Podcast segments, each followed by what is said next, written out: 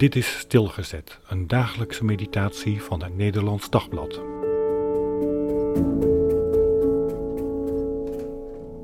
Van wie? 2 Samuel 3 vers 12.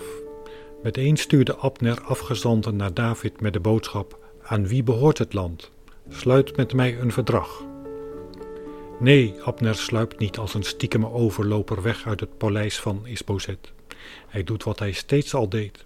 Hij gaat gewoon zijn eigen gang en hij rekent erop dat Isbozet toch niets durft te doen. Openlijk stuurt hij gezanten die de onderhandelingen met David moeten beginnen. Die gezanten krijgen een raadselachtige openingszin mee. Aan wie behoort het land? Tja, dat is maar hoe je het bekijkt. Officieel is het noorden van Isbozet, maar in de praktijk heeft Abner daar alles te zeggen.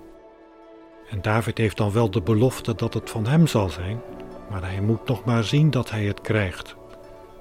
Ho, wacht even, Abner. Dit land is allereerst van God. En wat zou het mooi zijn als je nu samen met David naar de wil van de Heer ging zoeken.